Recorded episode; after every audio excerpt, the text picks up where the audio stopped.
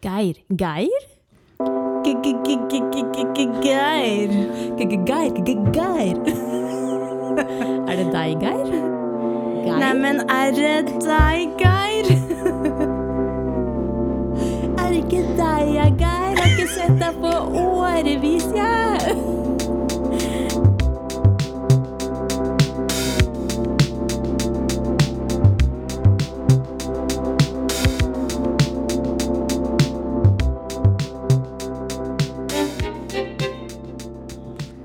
Det var oss som prøvde å lage jingle. Om Geir Helland. Eh, For den fortjener en egen jingle, syns jeg. Absolutt. Um, og vi skal nå, som vi annonserte i forrige episode, Mm. ha en litt sånn opplesningsepisode. En litt sånn Mm. bonus. Uh, Et liten lydbokseanse. mhm. For vi har jo da sendt ut uh, spørsmål om flere har lyst til å delta med skriveoppgaven vår. Og flere har deltatt. Yes. Og vi har jo prøvd oss sjøl, Mm. så det skal vi lese opp nå. Mm. Den oppgaveteksten som vi foreslo, og som står på Instagrammen vår, Mm. er som følger. 39 sekunder før det ringte inn til time, snubla Geir Helland i dørterskelen ved inngangen til ungdomsskolen. Det var siste dråpen i begeret for Ingrid, engelsklæreren på skolen, og hun følte seg tvunget til å rapportere det til rektor. Ingrid har lenge vært bekymret for at Geir drikker på jobb, og har sett han ustødig ved flere anledninger. Dette blir starten på en ubehagelig tid for Geir. Og det er jo utgangspunktet eh, for den skrivinga og tekstene vi nå skal lese opp. Mm. Og de har tatt hver sin retning, det kan vi bare si Og det er jo så med. gøy at det går an å gjøre så mye forskjellig. Mm. Så vi begynner med å lese opp de som er sendt inn til oss. Mm. Tenk at folk sender inn ting til oss, Ja, det er Kari. kult. Coolio. Ja, det er amaze balls. Kan begynne med den Hege sendte til oss, da. Ja, gjerne. la er veldig lyst her. Ja, kanskje det passer. Ja. Mm. I engelsktimen sliter Ingrid med å vekke elevenes interesse for Shakespeare. Utenfor vinduet skinner sola gjennom høstløvet, og hun skulle så gjerne vært der ute blant trærne, kjenne den skarpe vinden i håret og lukte, bare lukte på naturen. Hun drømmer seg vekk mens elevene fortsetter å lese Macbeth, helt til klokka ringer og det er friminutt. Allehelgensdag. Ingrid kikker frem fra under den sorte hetta på de to andre heksene som sitter sammen med henne på gulvet inne på skolens kjemilaboratorium. Det var en enkel sak å putte urtene i kaffen til Geir slik at han fremsto rusa på skolen.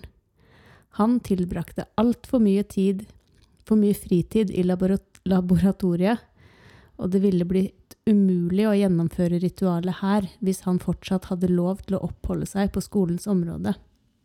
Et vindgufs får stearinlysene på gulvet til å blafre. Heksa til venstre for Ingrid klemmer henne plutselig i hånda. Idiotiske Barbara. Hun er altfor lettskremt.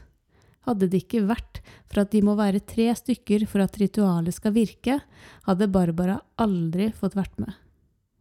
Det knaker i gulvplankene utenfor, og døra til laboratoriet går plutselig opp med et smell. Der, i døråpningen, med sydvest og regnjakke, står Geir Helland. Han puster tungt, peker på Ingrid og roper noe uforståelig. De andre heksene forsvinner i hver sin røyksky, men Ingrid er som limt fast i gulvet. Geir kommer nærmere. Det gale blikket hans borer seg inn i henne, og hun vet at hun ikke kommer til å overleve kvelden når hun ser øksa han holder i hånda. Vekkerklokka ringer. Ingrid våkner brått. Svetten har fått håret til å klistre seg til ansiktet hennes. Det er antagelig på tide å bli ferdig med Macbeth-undervisningen og gå over til sonetter i stedet, tenker Ingrid med et sukk. Å, det er så gøy. Er ikke det her kult, eller? Her har hun liksom tatt handlingen litt fra Macbeth. Ja, for det sa du du hadde Ja.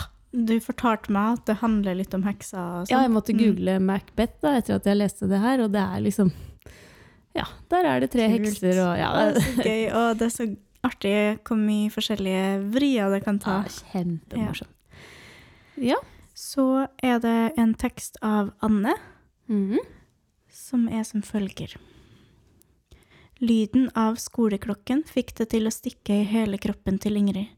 Hun sto og nistirret på Geir og skvatt så hardt av lyden at hun måtte lukke øynene og trekke pusten dypt for å roe ned både pulsen og pusten igjen.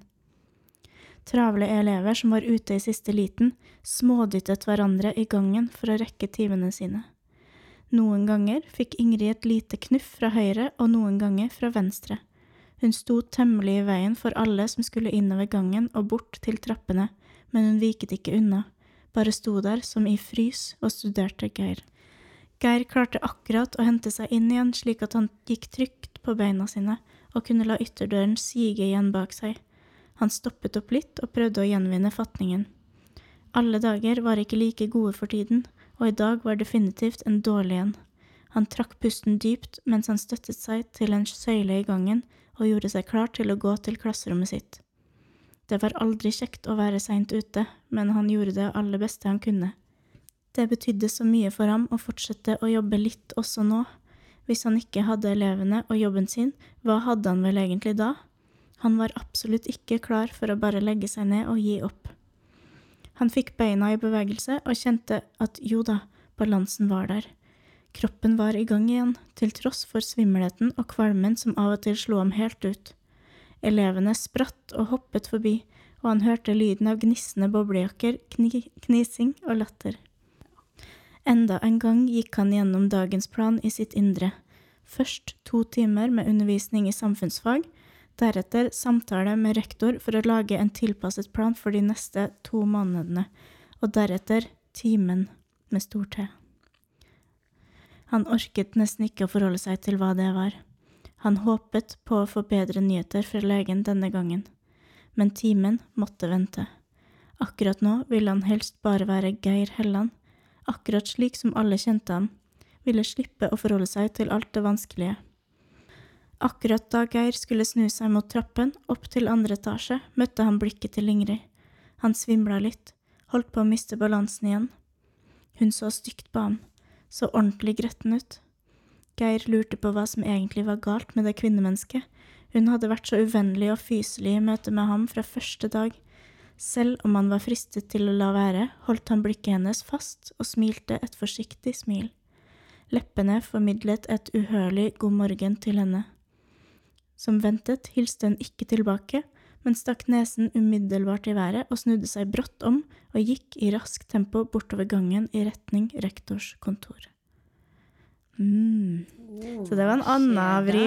Mm. Og hun har gått for litt det samme temaet som eh, jeg gikk for, så Mhm. jeg skal få høre når jeg leser opp den. da. Mm. Det er litt artig. Ja, spennende. Takk, Anne. Veldig artig at du sendte inn. Og så har vi en fra Karina, Mm. som har sendt oss følgende tekst.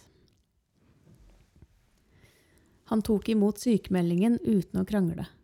Det var åpenbart, også for Geir, at han ikke kunne fortsette å oppholde seg på skolen. Synssvikten hadde blitt for stor, og måtte enten introduseres for lærerværelset som en ny, fiffig sak å tilrettelegge for, eller repareres. Geir ser for seg en teleslynge i revers, en innretning alle andre bærer litt krøkket rundt halsen for å gjøre seg selv mer synlige for en som ikke ser dem. Samtidig må han se for seg en verden der hørselshemmede går med en brillelinse over øret, kanskje en kuppel. Kuppelører, like alminnelig som innfatningene Geir allerede har på nesen. For han har jo allerede briller. En skeiv hornhinne og øyne som trenger hjelp med å se lenger enn til Geirs egen albue. Det er ikke dette som har endret seg.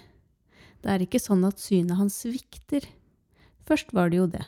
Han dro til optikere og beskrev tåke og dis og lave skyer, og ble målt og intervjuet og justert og frustrert, og da han omsider fikk plass i sykehusets MR-maskin, hadde allerede tåken lettet.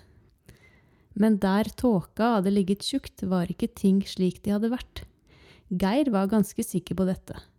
Han burde kunne si med sikkerhet at det ikke pleide å være tre dører inn til klasserommet hvor han skulle lære åttende å spille Tom Dooley på gitaren. Det skulle være bare den ene gule med håndtaket som aldri ble skrudd helt fast.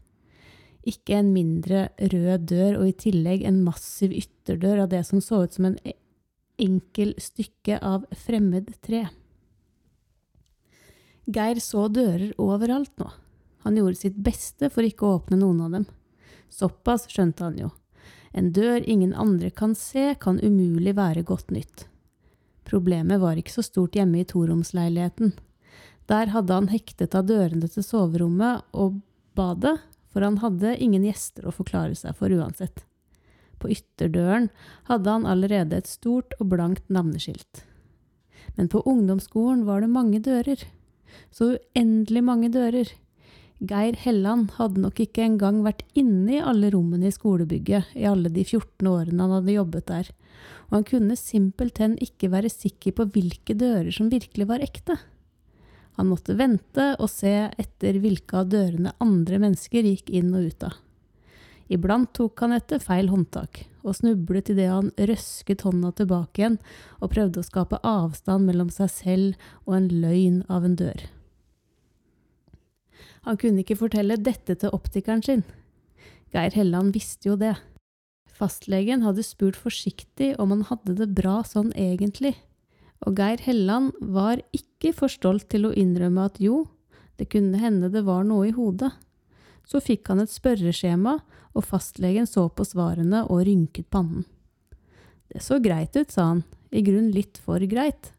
Han kunne ikke love at henvisningen til DPS ikke ville bli avvist. De fleste henvisninger til DPS blir jo det uansett. Sånn har det blitt, sa legen. Sånn har det blitt, sa Geir og stirret opp på blokka han bodde i. Hver oppgang hadde én dør med glass og nøkkelchip, ved siden av en simplere dør til sykkelrom. Og de var ikke der de skulle være. Dørene hadde stokket seg om og duplisert seg selv og deiset sidelengs og oppå hverandre for å forme bokstaver. Geir ville helst lukke øynene. Kuppelører, tenkte han. Kuppelører. Verdenen med kuppelører er lettere å godta enn dette. Dørene stavet en besynderlig beskjed. Det tok ham litt tid å forstå det første tegnet, men nå var alt så ulidelig klart for ham. Alle dørene dannet beskjeden hashtag lag plass, vi trenger å høre til. Det norske temaet for årets for, verdensdag for psykisk helse. Geir hadde delt ut kopierte ark om det til elevene sine. Det sto ingenting på de arkene om avviste henvisninger. Ikke et ord om forsvinnende avtalespesialister eller prislappene på de uavtalte. Geir Helland nikket opp mot det arkitektoniske spetakkelet. Han pusset brillene sine på jakkeermet. Spyttet ut spearmint-tyggegummien han hadde hatt i munnen siden han dro fra legekontoret. Så sukket han irritert og hentet fram rappellen og tauet fra ryggsekken sin. Det hadde vært fint å bo på grunnplan denne ene gangen, tenkte Geir, som bodde i 13. etasje. Hmm. Hei, det var jo en helt annen uh, take. Veldig. Og Her var det psykose og mye greier. Kanskje. Kanskje. Mm, det er en fortolkning. Ja, det er en fortolkning. Um, og så var det jo litt uh, systemkritikk som jeg likte. Mm. Mm. Bra. Artig. Tusen takk. Tusen hjertelig takk, Karina. Mm. Nå skal vi høre din versjon, Kari. Ja, og jeg har jo som vanlig litt sånn behov for å si at det er uferdig og sånn. Så da sa jeg det. Ja, drit i det. de, de som sendte inn også, har sendt inn ganske Mm. kjapt, så Ja. det er ganske Ja, det syns jeg er kult. Mm. Geir var et rutinemenneske. Han sto opp om morgenen, lagde seg de samme brødskivene og dro på jobb. Geir var vant til å fikse ting. I jobben som vaktmester var han stolt over å gjøre alt med ypperste kvalitet.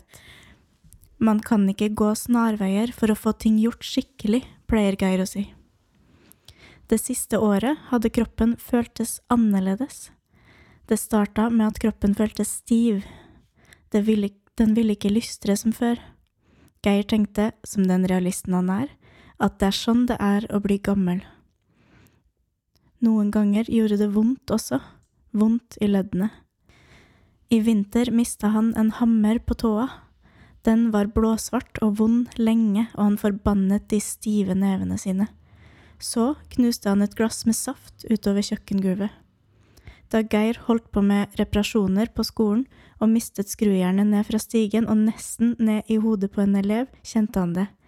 Den ekle, skumle, gripende følelsen som la seg som en kappe bakfra. Noe var galt. Faen, noe var alvorlig galt. Geir var ikke en redd type. Han var ikke en sånn som ble skremt av ting. Han var en realist. Geir hadde alltid vært sterk og frisk. Han var ikke redd. Han var en som fikset ting. Geir var en som byttet vindu på inngangsdøra når elevene traff ruta med fotballen. Geir var en som renset takrennene rutinemessig så det ikke skulle få noen overraskelser. Geir var en som tilpasset pultene på lærerkontoret slik at alle ble fornøyd, men Geir var ikke redd. Geir spiste frokosten sin som vanlig i dag, hardkokt egg, som han lagde dagen før med kaviar på. Han kjenner at den venstre foten subber litt i gulvet. Det gjorde den i går også. Han tenker at han sikkert løfta litt skeivt i går. Det stikker litt når han legger vekt på den foten. Geir tømmer sin siste kaffeslurk mens han tar på seg skoene og drar på skolen. Hele morgenen har Geir kjent på en verkende følelse i kroppen. Kan det være influensa? Likevel setter han i gang. Han har fått beskjed om å fikse et par av elevskapene i, inngangs, i inngangspartiet, og han tar med seg litt ulike verktøy i snekkerbuksa før han går ut av bygget og rundt til andre siden. Foten lystrer ikke. Det var da helvetes til styr med den foten, tenker han, og forsøker å gå så normalt som mulig, sånn at ingen skal se det. Hei, hei, hilser Geir på noen elever og går opp trappa. På vei inn døra hekter foten seg fast i dørkarmen, og han kapitulerer på gulvet med en ekkel lyd fra lungene. Smerten skyter opp i hofta. Geir ser seg kjapt rundt. To jenter snur seg fra skapene sine og ser bekymret ut. Går det bra? Ja, ler Geir. Han føler seg ikke så klumsete. Da ser han Ingrid stikke hodet inn i gangen. Hva skjer her? sier hun. Det er noe kalkulerende med blikket hennes. Han liker det ikke. Ja, nei, det var nok dørstokken som spilte meg et puss, ler Geir. Han forsøker å stable seg på beina og smiler til Ingrid. Hun gir bare et stramt smil tilbake, uten øynene.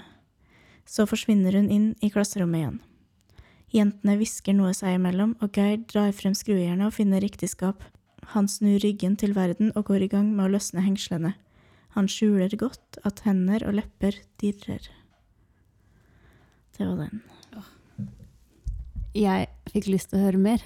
Så koselig. Jeg forsvant litt. Ja, Mm. fint. Det, er, ja, Mm. det er så kult å høre hvordan vi har løst det forskjellig. Ja, det syns jeg òg. Mm.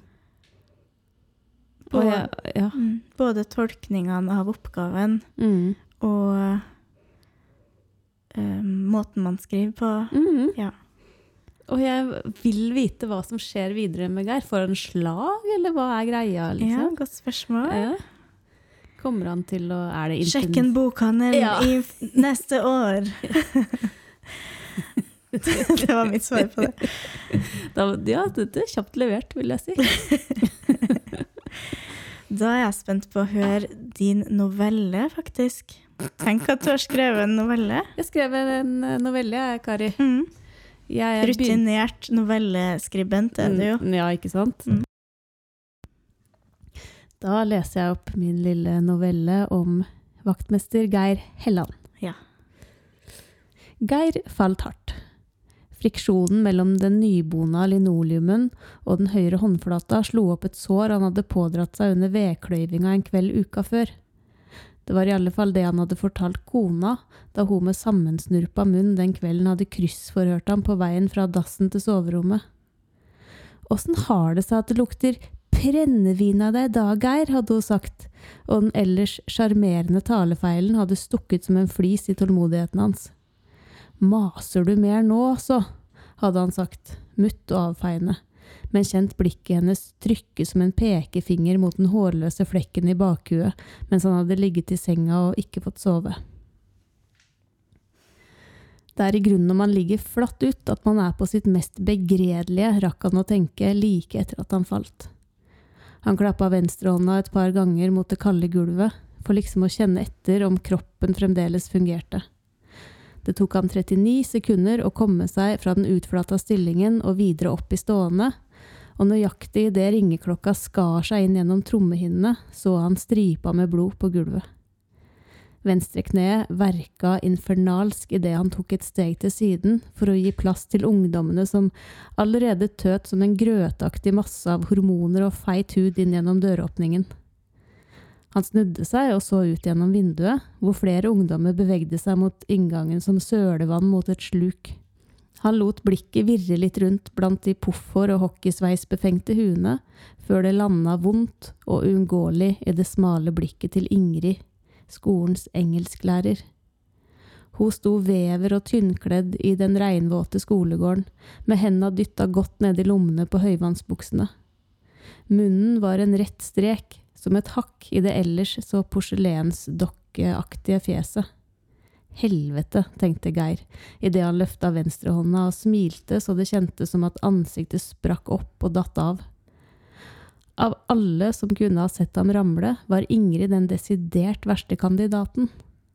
Han hadde vært nær ved å ramle flere ganger den siste uka, og han var isende klar over at Ingrid hadde fått det med seg. Han snudde seg med ryggen mot vinduet og halta nedover korridoren i strømmen av pubertale kropper, mot lærerværelset og personaldassen. Uff, stønna han idet han lukka og låste døra igjen bak seg. Hvorfor var det akkurat Ingrid han hadde snubla foran nå igjen? Lille, søte Ingrid. Han snakka lav og med så lys stemme han fikk til, tross det 64 år gamle slintrete og nikotinslitte stemmebåndet. Han så seg i speilet og smilte så furene som rant i to rette streker fra nesevingene og ned til munnvikene fikk ekstra dybde, og de slappe kjakene stramma seg til i to bollekinn. Han plasserte de trælete hendene sine mot porselensvasken, kjente litt på underlaget før han skrudde på springen og skylte blodet som alt hadde begynt å levre seg i såret, ned i sluket. Det svei på en god måte. Disse nevene var bygd for steinhogging, ikke puslete vaktmesteroppdrag. Etter at steinhoggerindustrien ute på Hvalerøyene hadde seila akterut mot slutten av 70-tallet, hadde Geir mista den eneste jobben han virkelig hadde vært god på.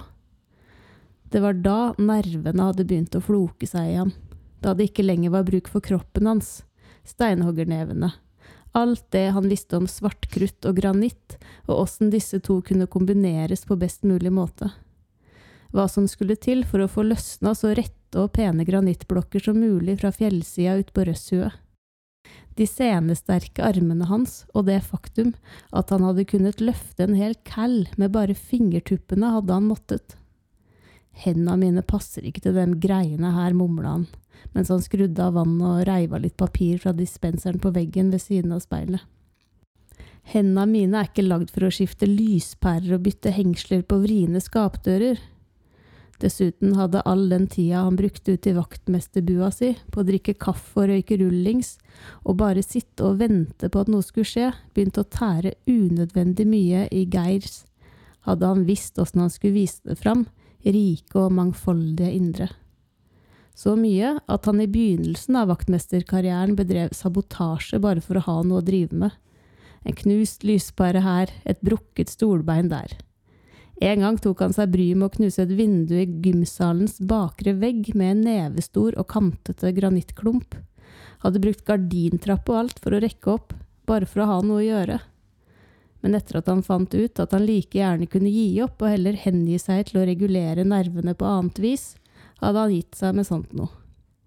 Det var bare det at de tre årene han hadde igjen før pensjonisttilværelsen, skulle komme som en drøm og bære han som en båt gjennom dager fulle av selvvalgt aktivitet, virket fullkomment uoverkommelige akkurat nå. Litt etter litt, slurk etter slurk, hadde klunkene han til stadighet fylte lommelerka med lagt seg som et varmt teppe rundt de fillete nervene hans. Han løfta lerka fra den påsydde innerlomma i arbeidsdressen, skrudde av korken og tok seg en klunk. Han kjente whiskyen skrape seg nedover i halsen, før han skrudde på korken igjen og putta den kroppstempererte, flate stålflaska tilbake i lomma. Like over den delen av brystkassa hjertet skjulte seg under. Det kjentes tungt og bedøvet. Hadde brennevinsteppet over seg, det òg. Det var nok derfor kona etter hvert hadde begynt å surne som melkedunsten fra kjøleskapet i enden av skolens korridor, og dattera hadde slutta å snakke med ham for lenge sia. Hun hadde blitt mutt og kort som han sjøl. Han ble stående og glane på sitt eget speilbilde. Langt der inne under de buskete brynene lå øynene han hadde sett verden gjennom som guttunge. Iblant fikk han øye på seg sjøl i det gamle trynet som stirra tilbake på han. Han var fremdeles der inne i blikket sitt et sted, det samme blikket han hadde gitt i gave til dattera si.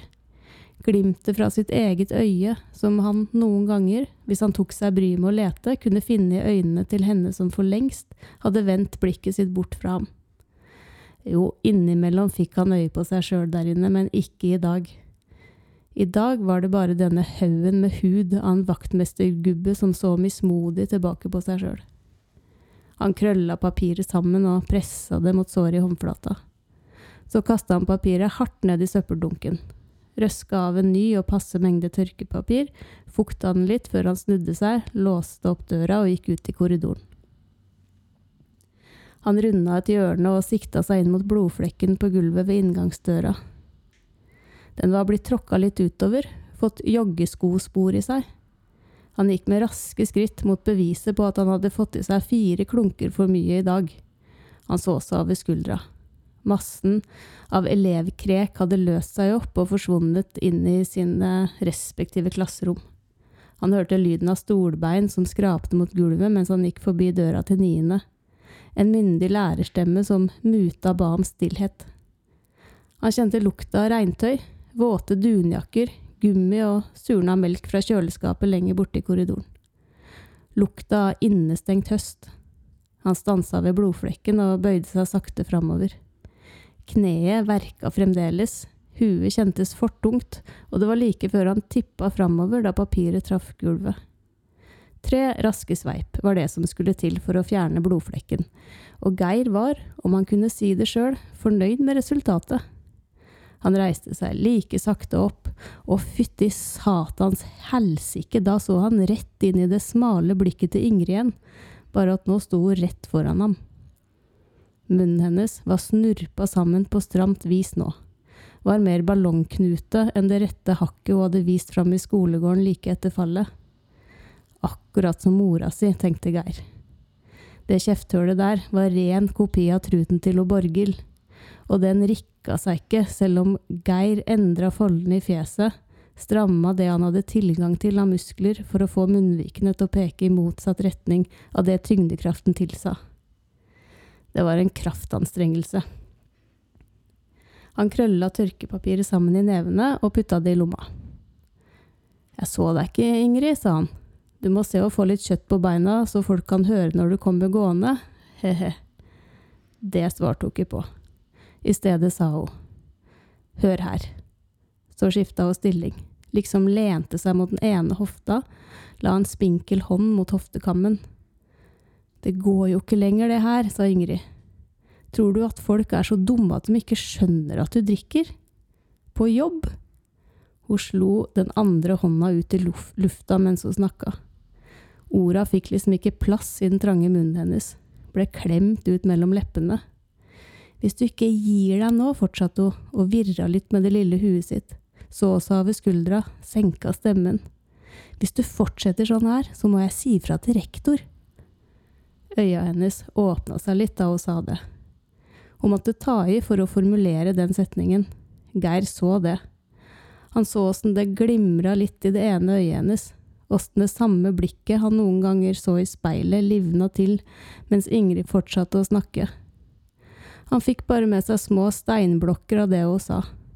Noe med tross alt å jobbe på en skole hvor det befinner seg barn. Barn, hører du. og Geir kjente åssen det numne hjertet slo opp et gammelt sår mens hun sto der og var nærmere enn på lenge. Og han kunne unnskylde seg og bortforklare og si som han sa til Borghild, kona si, at hun skulle slutte å mase. Han kunne skylde på den slitne kroppen, på at ingenting hadde blitt som han hadde tenkt at det skulle bli. Men mens han kjente åssen det svei og verka hjertemuskelen, tok han ett skritt nærmere Ingrid la den senesterke armen sin over skulderen hennes og dytta henne inntil seg. Siden, da hun hadde tørka tårene og sett på ham med øyne som glinsa som aldri før, snudde hun ryggen til og gikk. På genseren hennes, på baksida av høyre skulder, var det en stripe med blod fra såret i hånda. Nå er det slutt på vedkløyving for en stund, mumla han lavt for seg sjøl. Og det var det. Du avslutter med det. Ja, det var mye. Ja, det var Det ble fint. langt. Veldig deilig å høre på deg. Takk. Og så har du så mange fine bilder. Så fint. Eh, med å bli båret som en båt. Og kjefthølet til Borghild, var det? Borghild, ja. Mm. Skjønte du at Ingrid var dattera? Jeg skjønte noe på slutten, så tenkte jeg, var det det? Ja. Mm. Det var det meningen Mhm. min, i hvert fall. Ja. Artig. Ja. Jeg likte det. Det var fint å bruke litt tid på å lese hele fortellingen, Mm. da. Absolutt. Ja. Og um, jeg tenker vi skal jo ha en humorepisode. Mm. Det var jo mye humor i det her òg. Når han er litt sånn grov i kjeften og ja, ja. Jeg likte det. Ja, men så bra. Fy faen, det var skummelt. Skumlere enn jeg hadde tenkt. Ja. Så da sender vi det her ut på internett. Yes, det gjør Så vi. får folk uh, synes det de vil. Ut i eteren. Mm. Jeg tror folk kommer til å kose seg med den her, ja. Ja. mens de sitter og skriver julekort eller hva som helst. Og kanskje flere også skriver en liten historie om Geir Ja. for sin egen del. Mm. Det er hyggelig. Mm. Geir Helland har blitt til i den prosessen her. Ja, det er sant. Fått liv. Han finnes i ulike versjoner. Mm. Takk til alle som sendte inn, Mm. og takk for at dere ville høre på denne episoden her. Mm, det var uh, koselig. Ja. Ok. Ha det. Ha det.